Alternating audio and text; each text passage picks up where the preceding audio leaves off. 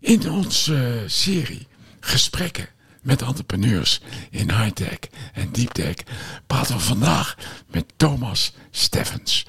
Thomas Steffens was co-founder van Primephonic, een streamingplatform voor klassieke muziek. En hij heeft daar een groot succes van gemaakt. Uh, Thomas, klassieke muziek daar, eh, als wij denken aan streamingplatforms, dan denken wij aan Spotify, dan denken we aan Apple Music, Tencent Music, allemaal grote gorilla's. En 2015 is een uh, streamingplatform Primephonic opgericht door wat particuliere investeerders. Uh, jij bent er iets later bijgekomen. En ik zou zeggen, against the odds, heb je er een succes van gemaakt. Toen jij er later bij kwam, was jij niet bang. Dit is een hopeloze zaak. Wij gaan hier als klein uh, underfunded platformpje tot tegen de grote gorilla's van muziekplatforms. Nou ja, kijk, dat, dat, dat gevoel heb ik heus wel eens gehad. En ik denk als ik nou op, op de reis hè, terugkijk van, van vier jaar, dan is het wel een van de dingen die ik heb geleerd. Ja, even in het Engels. Unlikely is not impossible. Onwaarschijnlijk is niet onmogelijk. Als ik kijk, inderdaad, toen de tijd was een succesvolle exit leek niet erg waarschijnlijk. Maar je kunt dingen ook kapot redeneren. Te veel logica op toepassen. en ik denk wat wij eh, gedaan hebben, is toch altijd blijven geloven in het gat in de markt dat je denkt eh, eh, te zien. En natuurlijk leven we in een wereld van allerlei tech-giganten met uh, ontzettend veel uh, budget, met hele brede uh, businessmodellen. Maar daartussendoor zitten altijd niches die misschien op een landelijke schaal niet zo groot zijn, maar waar je op wereldwijde schaal toch een hele business omheen kunt bouwen. Dus ik vind je moet je niet laten afschrikken door de grote jongens. Je moet natuurlijk niet head-to-head met ze gaan concurreren. Dat ga je niet winnen. Maar als je de plekken vindt waar zij om welke reden dan ook minder sterk in zijn, dan kun je daar gewoon bovenop springen. Dat betekent wel dat je rukzichtloos moet focussen. Uh, want die, die niche, die ga jij pakken. In ons geval was dat uh, klassieke muziek. Nou, laat ik even beginnen. We weten allemaal natuurlijk de Spotify's van deze wereld. Die hebben de muziek uh, eigenlijk gerevolutioneerd. Uh, zo moeten zeggen, dat hebben ze gedaan door een, een dienst te ontwikkelen. Een streamingplatform zoals we dat kennen. Dat gewoon superieur is aan de alternatieven. Het is beter dan CD, het is beter dan download, het is beter dan de radio, et cetera. Ehm, en zij zijn begonnen met ja, de early adopters. En wie waren de early adopters? De jonge mensen die van popmuziek houden. En zo zijn die platformen ontstaan. En aan de loop van tijd zijn ze daar allerlei andere muziekgenres aan toe gaan voegen met bijbehorende doelgroepen. En dat is dus heel erg ontstaan. Je hebt één app en daarin kun je alle muziek beluisteren. En ik ben zelf een, een, een brede uh, muziekliefhebber. En ik vond Spotify fantastisch voor mijn popmuziek. Uh, voor mijn uh, als ik apres-ski muziek als ik op wintersport ging. Uh, voor uh, jazz als ik af en toe daar in de mood was.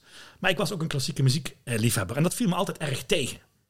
Ehm, hoe moeilijk het was om te vinden wat ik zocht. Ik kreeg al helemaal geen aanbevelingen waar ik blij ehm, van was. dus dat beeld bij mij van dat werkt niet goed daar, dat was bij mij vrij duidelijk. En op een gegeven moment ga je er ook breder over nadenken. Want ik ben toch echt wel een klassieke muziekliefhebber. En dan realiseer je dat er een breder probleem aan de hand is. Namelijk dat we bewegen naar wat ik zou zeggen een streaming-only wereld. Een wereld waarin er geen downloadstores meer zijn. Uh, waarin uh, geen cd-winkels meer zijn. Uh, en waarin ook minder of op een andere manier in ieder geval radiozenders zullen zijn. En als je dan als muziekgenre ondervertegenwoordigd bent in wat het dominante kanaal van de toekomst is, dan verlies je als genre heel langzaam je relevantie voor de toekomstige generatie. Want de toekomstige generatie is streaming only. En als jij als muziekgenre daar dan niet goed in vertegenwoordigd bent, ja, dan word je gewoon minder relevant voor die toekomstige generatie. Dus ik dacht echt, die klassieke muziek waar ik zo van houd, die gaat het onderspit delven in dit uh, digitale dus als ik dan tijdperk. Tussenvraag mag stellen. Ik weet dat jij aficionado bent van klassieke muziek. Maar speelde je bij jou dan ook een rol een soort kruistocht om de klassieke muziek veilig te stellen voor toekomstige generaties? Of probeerde je alleen een commercieel succes te creëren? Dan komen we op het gebied van purpose. Speelde dat een rol? Ja, absoluut. En ik denk, je, je, het, helpt denk ik niet om die twee helemaal uit elkaar te trekken. Van enerzijds wil ik breder maatschappelijk doelstreefje na. En anderzijds, waar zit ons commercieel ehm, succes? We hebben heel erg geloofd vanaf het begin dat je die twee bijna bij elkaar moet brengen en dat die ook parallel aan elkaar zijn. Dat was ons geloof. Want hoe meer mensen via Prime klassieke muziek zouden streamen, hoe meer ook inkomsten je genereert voor de klassieke muziekwereld. Maar dat kun je wel zo zien, maar je moet dat ook heel erg over het voetlicht kunnen brengen. En we hebben veel tijd gestopt om die purpose echt te articuleren en die uit te dragen. Dus we hebben altijd naar buiten uitgedragen. Primephonic draagt bij aan het zekerstellen van een betere toekomst voor klassieke muziek in het digitale tijdperk. Met iets wat overdrijving hebben we ook wel eens gezegd. To save classical music from a digital death. Dat is misschien een beetje overdreven, maar ik zou zeggen, die overdrijving moet je ook niet uit de weg gaan. Dat hoort een beetje ehm, bij een start-up. En die purpose, die heeft ons op ten minste drie plekken uh, geholpen. Ehm, aan de eerste kant, ehm, aan de fundingkant. Uh, het hangt natuurlijk af welke investeerders je hebt en je zoekt. Uh, in ons geval hadden wij uh, investeerders die enerzijds natuurlijk op zoek waren naar een mooie commerciële opportunity, maar die ook persoonlijk duidelijk affiniteit hadden met klassieke muziek. En dat heeft denk ik ook geholpen om samen met hun tot een langere termijn horizon te komen. Het tweede waar het helpt is aan de talentkant. En eigenlijk werkte bij Primephonic twee typen mensen. Eén, mensen die al van klassieke muziek hielden. En voor, hun dat, voor wie dat ook een reden was om bij Primephonic te komen werken. Ik ga bijdragen aan het voorkomen van die digital death. Maar ook mensen die helemaal niet zoveel met klassieke muziek hebben. Maar die wel nou ja, tot het prototype millennial behoren van... Eh, ik wil wel aan iets relevants bijdragen. Het is misschien niet zo relevant voor mij als individu... Maar andere mensen worden hier wel gelukkig van. Ik draag bij aan iets goeds. En dus, en, maar dan moet je die, die purpose wel heel goed voor articuleren, kunnen uitleggen. Dat het ook bij Deal Deal Groep, dat ze daar enthousiast eh, van worden. En het laatste is media. Heel flauw gezegd, media schrijven niet over bedrijven. Ze schrijven over maatschappelijke problemen, opgaves, uitdagingen. En eventueel over een bedrijf dat daar een bijdrage aan levert. En dus als jij graag in de media wil komen, dan moet je heel duidelijk kunnen uitleggen welke maatschappelijke uitdaging jij mede gaat oplossen. En dan in de slipstream word jij als bedrijf eh, dan genoemd, maar wel in die volgorde. En daarom is het dus zinvol om even terug te gaan naar het begin van jouw vraag, Gijsbert. Je moet niet in de purpose hebben. Je moet de tijd nemen om hem echt goed uit te werken met overtuigende getallen, met mooie visuals, zodat je het bij, een bij je drie verschillende doelgroepen, investeerders, medewerkers en media, kunt uh, uitdragen? Nou, uh, ik weet dat bij start-ups geld altijd schaars is.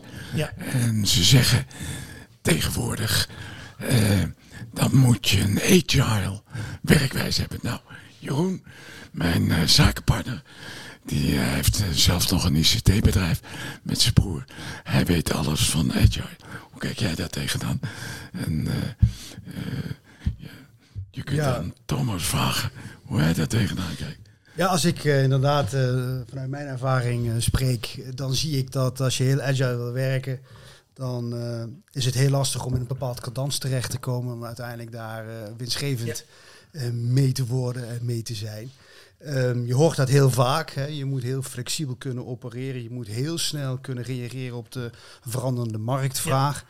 Ehm, ik heb daar vaak ook ontzettend mee geworsteld. Want als je dat doet, gaan de kosten altijd voor de baten. En dan is het nog maar de vraag of je de eindstreep haalt. Dus ehm, hoe kijk jij hier uh, dan, uh, dan tegenaan? Nou, voor mij het belangrijkste is dat, dat je, je moet, denk ik, agile meer zien als een à la carte lijst. Waar jij de agile elementen uithaalt die je vindt passen bij ja, jouw businessmodel, bij de cultuur die jij voorstaat. Ehm, bij het talent dat je in je organisatie hebt. En wat je dus niet moet doen, vind ik, is agile in zeg maar, blindelings omarmen. Je moet er naar kijken wat zijn de verschillende componenten. Welke passen bij ons, welke passen bij ons niet. Laat ik een voorbeeld geven. Een heel bekend agile concept is MVP, Minimum Viable Product. Correct, ja. Je moet zo snel mogelijk live gaan met een dunne variant van je product. Dan krijg je allerlei klantfeedback en dan ga je het verbeteren. We hebben er bewust voor gekozen bij Primephonic om dat gedeeltelijk niet zo te doen. Omdat de klassieke muziekliefhebbers in ons geval zijn hele veel eisende mensen. Uh, dat zijn mensen meestal in de regel uh, die hoger opgeleid zijn, ook een gevulde portemonnee hebben. Uh, en die in zijn algemeen het hoge standaard hebben. Zeker waar het klassieke muziek betreft. Is vaak de grootste passie in hun eh, leven. Eh, en als je dan te vroeg live gaat, dan nemen deze mensen je niet serieus. En dan gaat dat ook rond, want uiteindelijk is het ons kent ons en mond-tot-mond reclame die je toch het belangrijkste ehm, ehm, voor je is. Dus wij hebben er bewust voor gekozen om niet te snel live te gaan. En als ik terugkijk, zou ik nog later zijn live gegaan. Zou ik nog minder agile zijn geweest eh, dan we hebben ehm, gedaan. Twee andere voorbeelden eh, daarbij. Wordt er heel vaak gezegd over data-driven decisions. Nou, daar kun je natuurlijk bijna niet eh, tegen zijn. Ja, daar kun je niet tegen zijn als de data echt kloppen en je ze ook echt gebruikt waar ze voor bedoeld zijn. Maar heel flauw gezegd, als jij te veel data en vervolgens ook beslissingsbevoegdheid legt bij mensen die daar toch niet de analytische skills voor hebben, dan kun je ook gierend uit eh, de bocht vliegen, want die trekken gewoon de verkeerde conclusie uit schitterende data. Of misschien wel de verkeerde conclusie voor, voor data die op zichzelf heel krachtig zijn, maar niet voor die analyse waar ze voor um, worden um, gebruikt. Uh, dus ik vind dat je daar als, als, als founder dicht bovenop moet zitten en heel erg moet challengen. Kunnen we nou deze conclusie wel uit deze data trekken? Want voor je het weet, word je een speelbal van de data. En komt je visie, wordt ook een speelbal van de data. In plaats van dat toch de visie eh, centraal staat. Een heel simpel voorbeeld erbij. We kennen misschien het concept A-B-testing. Je, hebt, je probeert bijvoorbeeld twee verschillende websites of twee kleuren op je website of twee verschillende advertenties. Je kijkt welke van die twee het beter doet. En dan die tweede, die het dan beter doet, een van die twee, daar ga je dan vervolgens meer geld op investeren. Als je een minder goede marketeer hebt, die maakt twee slechte advertenties. Een slechte en een hele slechte. Die ga je dan A-B testen. Dan kom je tot de conclusie, hey, B doet het beter dan A. Dus ik moet meer geld in B gaan stoppen. Wat je had moeten doen, is een goede marketeer aannemen die C en D had gemaakt, die veel beter waren geweest. En jouw judgment van is dit, zijn dit überhaupt goede advertenties? Voordat je gaat vergelijken met elkaar, eh, vind ik een voorbeeld van waar je toch als, als founder, als CEO of wie dan ook moet durven zeggen: de data suggereren dit, maar mijn gevoel, mijn intuïtie eh, zegt iets anders. Maar dit veronderstelt wel dat je als start-up hele goede mensen hebt. Maar geld is schaars. Ja. Hoe kwam jij aan goede mensen en hoe haalde je het beste uit jouw Ja. mensen? Een a- aantal, denk één, als je geen goede mensen aan de top hebt, dan gaat het sowieso fout. Dan ben je een kansloze Vis onderneming. rot bij de kop. Ja, zeggen ze toch? Heel flauw gezegd, de drie belangrijkste beslissingen die ik heb genomen, is het aannemen van mijn managementteam, zeg maar plek 2, 3 en 4 in de organisatie. Want zij gaan vervolgens in hun team mensen aannemen en daar ook een cultuur in creëren. Dus als je je, je, als je, je managementteam, als die niet excellent is, dan wordt het nooit een excellent bedrijf. Dus daar moet je beginnen en daar moet je dus ook niet zuinig zijn. Eh, en eh, dan kan het zelfs zo zijn dat je, dat je die mensen meer betaalt dan jezelf qua salaris. Als het goed staat op jou wel dan een betere, ruimere equity-regeling wellicht eh, tegenover. Dus daar moet je niet zuinig zijn. Het tweede punt is, het gaat je nooit lukken om alleen maar goede hires te doen. Wat je wel kan lukken, is snel afscheid nemen van niet goede hires. En dat is moeilijk. Want dat, is, en dat betekent ook toegeven dat je zelf iets verkeerd hebt ehm, gedaan. En dat hebben wij best goed gedaan. En ik denk nog steeds achteraf, ik had nog eerder afscheid moeten nemen van mensen waar ik geen goed gevoel eh, bij had. In een hele lompe uitspraak, het komt meestal niet goed met mensen. Dat wil niet zeggen dat die mensen niet goed zijn.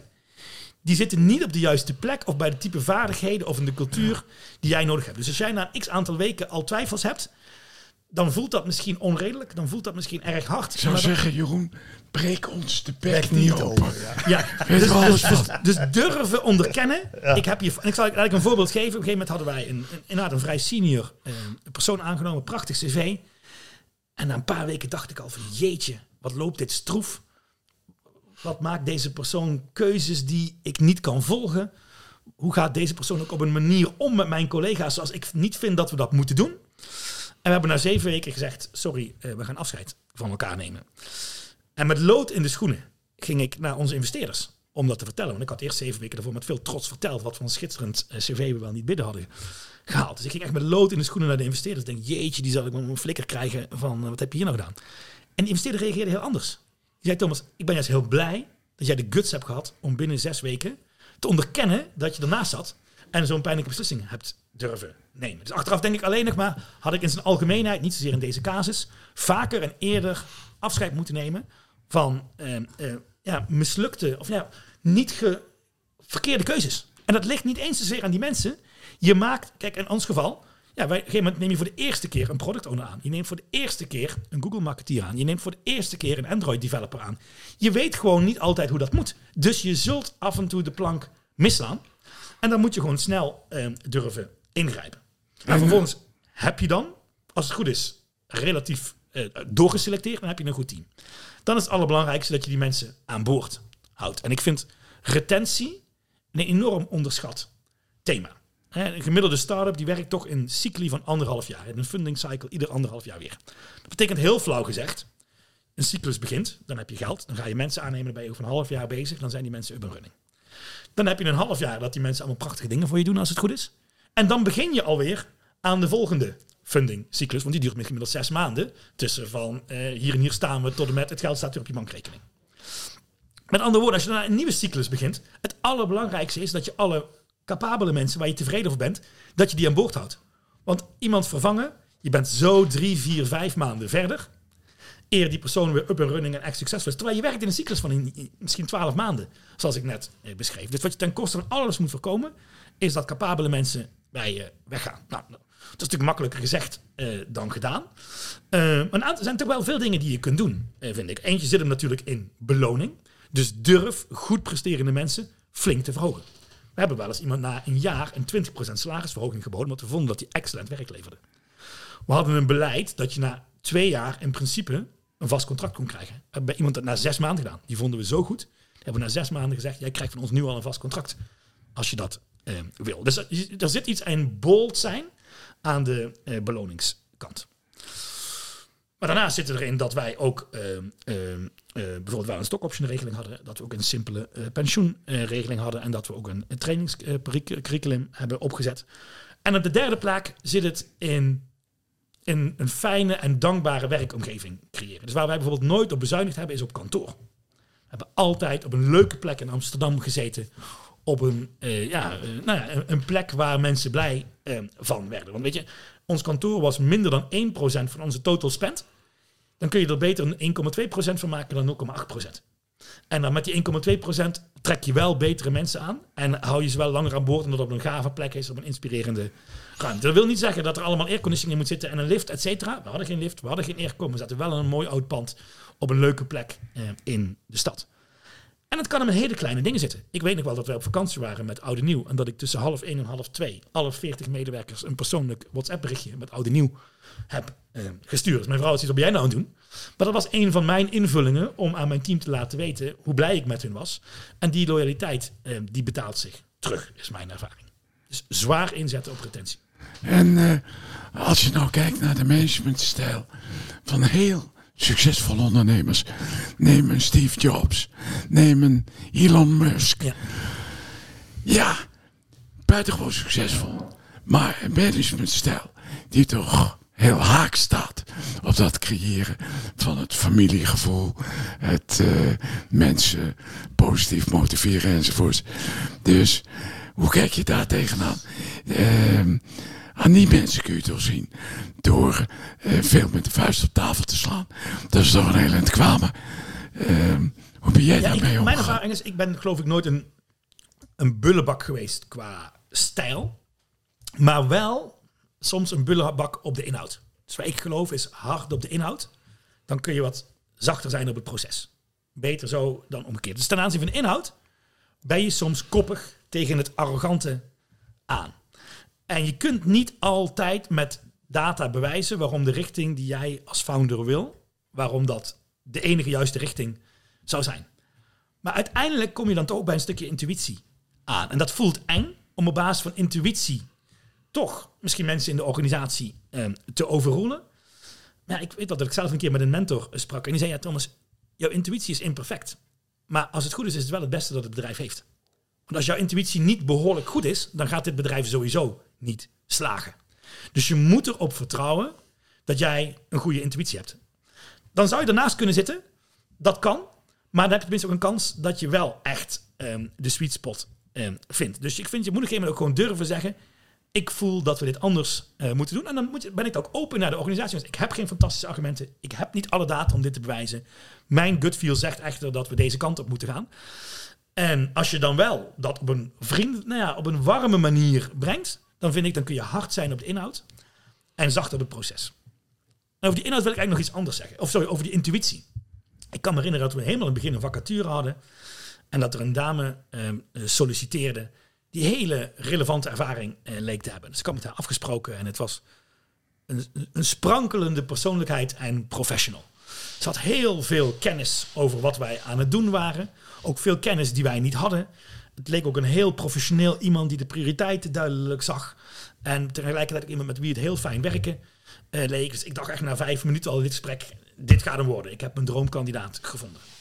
Maar langzaam gingen we toch dieper de inhoud in. En toen kwamen we erachter dat ze heel veel inhoudelijke kennis had, maar niet precies waar deze vacature over ging. Oh. Dus na een kwartier, twintig minuten dacht ik toch, jeetje, wat zonde. Want ze heeft zoveel dat wij goed kunnen gebruiken, maar het is niet passend bij deze vacature. En heb ik gewoon tijdens dat gesprek gezegd, ik wil een andere vacature gaan creëren die wel aansluit bij eh, jouw profiel. Want ik wil jou dolgraag bij deze organisatie ehm, hebben. En dat heeft haar veel, eh, want zij heeft denk ik datzelfde ongemakgevoel dat ze langzaam voelde. Oh, wat een leuke club is dit. Dit lijkt ook wel een fijne persoon om mee te werken. En langzaam voelde zij ook, ja, maar deze rol misschien niet helemaal. En dat heeft zij als een enorm teken van vertrouwen gezien. En deze rol stond helemaal niet in het budget. En dan moet je toch gewoon, vind ik als founder zeggen, I don't care about the budget. Ik heb gewoon het gevoel dat wij deze persoon nodig hebben om succes te kunnen zijn. En je kunt altijd, als je achteraf gaat terugblikken, blikken, zijn er heel veel succesfactoren. Maar ik kan me nog steeds goed voorstellen dat wij deze transactie niet gehad zouden hebben als we toen niet haar hadden aangenomen en die rol hadden gecreëerd. En daar zat geen duidelijke business case onder. Daar zat geen fantastische logica onder. Daar zat gewoon mijn intuïtie toen onder. Dat moeten we, deze dame met deze expertise, die hebben wij gewoon nodig. Natuurlijk ga je daarna wel even met je team overleggen. Van, hé, hey, mijn intuïtie zegt dit. En als dan de rest van het team allemaal zegt, Thomas, hoe kom je er toch bij? Ja, dan moet je nog een keer over na gaan denken. Eh, maar ik moet zeggen, toen ik uitlegde van ja, maar voor mij hebben we ook deze rol eigenlijk nodig. Dat ook nog wel twee andere mensen in mijn team. Ja, inderdaad, dat is nog de, de blind spot die wij nog hadden in eh, onze organisatie. Thomas, heb jij dan ook het vo- gevoel gehad dat je door je investeerders op zulke momenten werd gesteund? Of werd dat voor jou, zag je dat als een extra hurdle, als een extra... Nou, Zij wat je, wat, je, wat je toch primair nodig hebt, eh, als ik even over investeerders heb, hè, in ons geval, het, het belangrijkste vind ik dat wij geduldige, lange termijn ehm, ehm, eh, georiënteerde investeerders nodig hebben. Die zich realiseerden, jeetje, Primefone probeert hier een plek te vinden tussen, let's face it, Spotify, Amazon en Google en Apple in. Dat lukt je nooit in een jaar. Dus of je gaat ervoor en je gaat er echt een paar jaar proberen eh, een propositie te vinden die zo onderscheidend is. eh, dat je tussen dat geweld toch succesvol kunt zijn. Of je gaat er niet voor. Dus dat vind ik het belangrijkste aan investeerders. Die hebben begrepen, dit, we gaan dit of meerdere jaren doen, of we beginnen er niet aan. We gaan niet even een paar ton erin stoppen, kijken hoe het gaat. Dus eigenlijk, onze investeerders waren niet erg agile. En dat was maar goed ook, als ik het zo mag zeggen. Maar als je daar te incrementeel in had gezeten, die hebben er ook met visie in gezeten. Meer dan met incrementeel alleen maar welke metrics en de ratio's. Want dan waren ze allemaal na een half jaar gestopt. precies, precies. Dan hadden we deze fantastische exit ja, niet gehad. precies. Nou, dat geeft een mooi haakje voor Jeroen en mij. Dat is exact wat wij als tekortkoming vinden in de markt van financiering, van entrepreneurs, van high-tech, start-ups en scale-ups. Dat eh, de investeerders durven te weinig. Eh, in Nederland is het zo dat de conversieratio van start-up naar scale-up 16%. In Silicon Valley is 51%. De venture capital mensen zijn veel meer bereid om groot te denken. Ik geloof dat jij het al even genoemd hebt. Groot te denken. En ook daar ja, een beetje een bed te doen. Van eh, als dit conceptueel eh, ook in het grote werkt, dan moeten we ook durven om tickets van tussen de 1 en de 5 miljoen voor een start-up om dat te doen. Of als het al verder is, eh, bedragen die groter zijn dan dat. Dus eh, je hebt zeker geluk gehad Ja. dat jij investeert. Dat, dat ken ik ook zo. Eh, want wat je gewoon ziet, uiteindelijk, je concurreert altijd. Hè? In de zin van, ook in ons geval, hè, als jij een gat in de markt ziet en jij bent de enige die dat gat ziet, Zeg je markt. dan moet je eigenlijk niet denken of je een gat in de markt hebt gevonden of een gaatje in je hoofd. Ehm, het is een goed teken als er ook nog andere partijen aan die opportunity. Dus dan moet je, je moet ook niet bang zijn voor concurrentie. Concurrentie is juist een teken dat jij niet de enige mafkees in de hele wereld bent die gelooft in deze opportunity. En dat jij niet de enige investeerder hebt gevonden die in die opportunity gelooft. Dus concurrentie is eigenlijk een teken dat je op het juiste spoor zit. Dat je iets gevonden hebt waar... Want andere mensen zijn ook bereikbaar bereid om hun carrière daarvoor eh, nou, op het spel te zetten. In daar hè, te schroden career edit. En tegelijkertijd ja, moet je uiteindelijk wel gaan winnen van die concurrentie. En een van de factoren is, als die concurrenten gewoon beter gefund zijn, ja, dan moet je wel van hele goede huizen komen, wil je dat eh, nog winnen. Dus als die concurrentie sneller nieuwe productvarianten in de markt kunnen zetten, als die meer geld aan marketing uit kunnen geven, waardoor ze al die early adopters binnen kunnen halen, dan wordt het ingewikkeld. Dus je moet inderdaad, vind ik, heel, als je, als je in de positie bent waarin dat kan, op zoek gaan naar investeerders die durven groot te denken. Maar dan begint het dat je zelf groot denkt. En ik ben niet noodzakelijk een groot fan ehm, ehm, van Jeff Bezos. Maar zijn quote: Thinking small is a self-fulfilling prophecy. Woorden, als je klein denkt, dan wordt het ook klein. Dat wil dus niet zeggen als je groot denkt dat het groot wordt. Maar als je niet groot denkt, wordt het zeker niet groot. Dus je moet groots durven denken. Ja, dat gaat enerzijds in een wervende visie, maar dat zit hem ook in je dagelijkse operatie. Eh, laat ik daar twee of drie voorbeeldjes bij geven. Ehm, op een gegeven moment werden wij eh, contact opgenomen eh, door de, de Nederlandse ambassade in de Verenigde Staten. Eh, want die hadden gelezen dat wij ook ac- actief waren in Amerika. En die zeiden, ja, Mark Rutte is over een paar weken in eh, New York voor de United Nations General Assembly. En we zijn nog een dagprogramma voor hem aan het samenstellen. Jullie hebben een kantoortje in, New York. Kan hij eventueel bij jullie op werkbezoek komen? Dat dacht ik op zich. Mark Rutte op bezoek, eh, niet mijn politieke kleur, maar desalniettemin van harte welkom. Leuk. Maar ik dacht ook, kan ik daar niet meer uithalen? En we waren al live in de Verenigde Staten al een paar weken. En toen hebben we toch een klein beetje gejokt en gezegd: nee, wij, gaan, wij moeten onze launch nog organiseren in ehm, ehm, eh, de Verenigde Staten.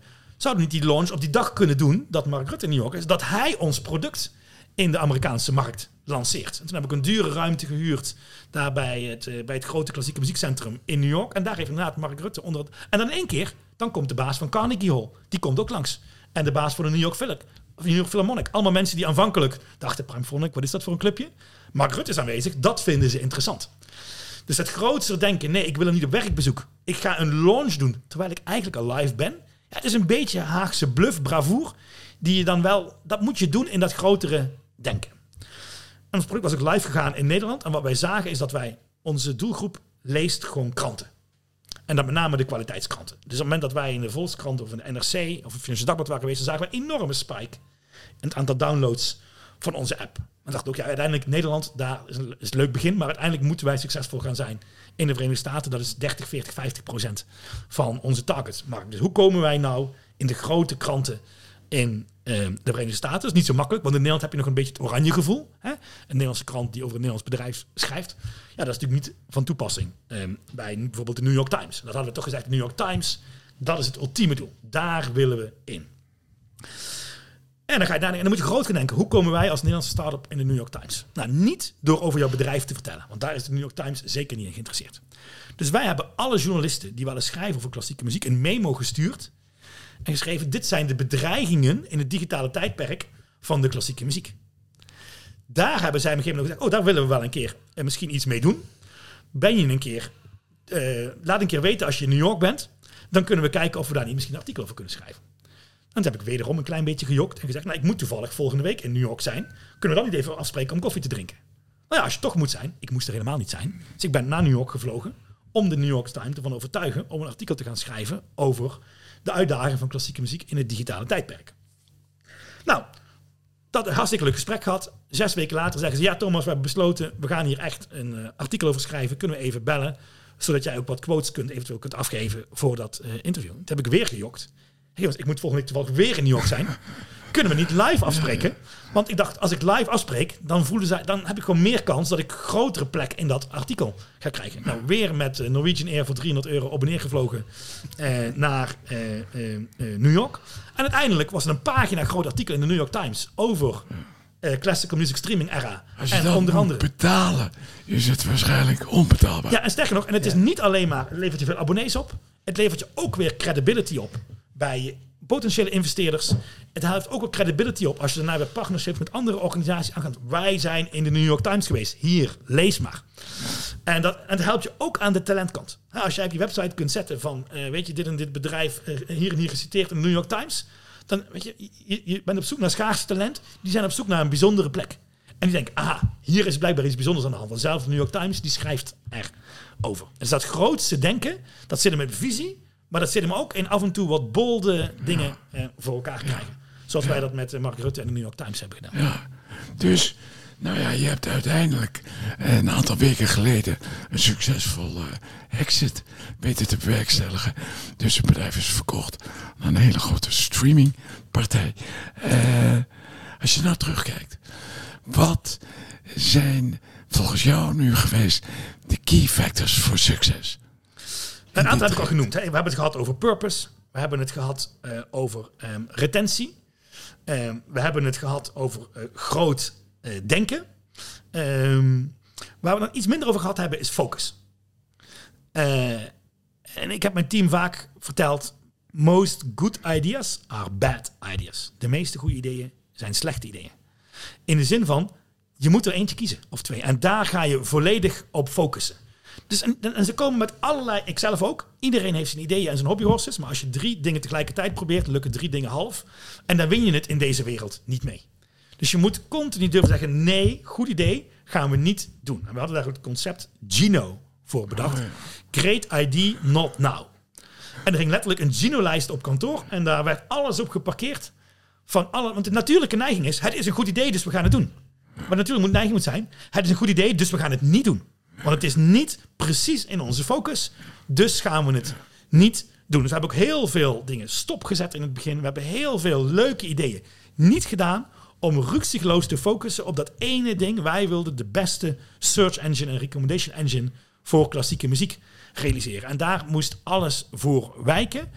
En dat betekent dat je ja, niet altijd Mr. Nice Guy kunt zijn. Dat je heel vaak moet zeggen, nee, goed idee, gaan we niet doen. Alle externe partijen die zich bij mij melden, leuk idee, over twee jaar willen we verder praten. En dat je ook tegen investeerders moet durven zeggen, fijn dat je meedenkt, het is geen dom idee. Over twee jaar wil ik het graag met jullie eh, bespreken. En jij moet heel als een koppige ijzeren hein, moet jij die scope en die focus eh, bewaren. Dat zijn denk ik eh, de grootste succesfactoren die ik zie. En dan misschien nog één dingetje. En de laatste is geluk.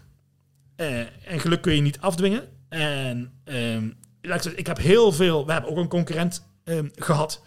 Die waren helemaal niet slecht. Die hebben veel dingen goed gedaan. Ja, en die hebben toch niet zo'n mooie exit eh, gerealiseerd eh, dan wij. Ja, ik denk, we hebben misschien net bepaalde keuzes iets beter gemaakt. Misschien net iets beter eh, geprioriteerd. En uiteindelijk zie je dan toch dat de een daar veel meer voor ja, eh, uiteindelijk beloond wordt eh, dan, dan de ander. En we hebben ook best wel ja, geluk gehad dat bepaalde kritieke hires goed hebben uitgepakt. Ehm, ehm, eh, dat wij de juiste investeerder eh, hebben weten eh, te vinden. En dus ja, je moet hard werken. Ja, je moet de juiste keuzes maken. En dan is het soms ook nog steeds een dubbeltje op zijn kant. Dus dat betekent ook, vind ik, dat mensen die veel succes hebben gehad, die past enige bescheidenheid. Ehm, terwijl juist mensen die minder succes hebben gehad, vaak meer toekomt eh, dan ze krijgen. Omdat succes en ja, failure heel dicht bij elkaar ehm, kunnen liggen. Dus ik denk als een keer iets niet bij jou lukt, dan wil dat helemaal niet zeggen dat jij niet geschikt bent om een goede founder te kunnen zijn. Dat betekent waarschijnlijk dat jij veel goede keuzes hebt gemaakt, dat je hard hebt gewerkt en dat je toch net één of twee keuzes onfortuinlijk hebben ehm, eh, uitgepakt. Dus ik zou bijna zeggen, luister niet te veel naar succesvolle mensen, want die hebben ook wel geluk gehad. En eh, schrik ook, praat ook vooral met mensen die niet succesvol zijn geweest, want die hebben vaak bijna net zoveel interessante dingen te melden als degene bij wie dat dubbeltje net wel eh, de goede kant op is gevallen. Nou, Thomas. Mooie afsluiting, zou ik zeggen. Ik denk ik ook. Dit is een fantastische eh, afsluiting. Ehm, ehm, voor ons is het van belang te horen dat jij aandeelhouders hebt gehad die toen Primefonic onder jouw leiding eh, eh, mooi in de knop stond. Niet de bloem hebben laten verwelken, maar hebben doorgevind totdat de bloem tot volle wasdom kwam. En jij met jouw team succesvolle exit kon, eh, kon doen. Dank voor een heleboel zeer wetenswaardige en behartigswaardige eh, inzichten. Dankjewel, Thomas. Graag gedaan. Dankjewel, Thomas. Dat was een leuk gesprek. Ja, was een leuk gesprek. Dankjewel, Thomas.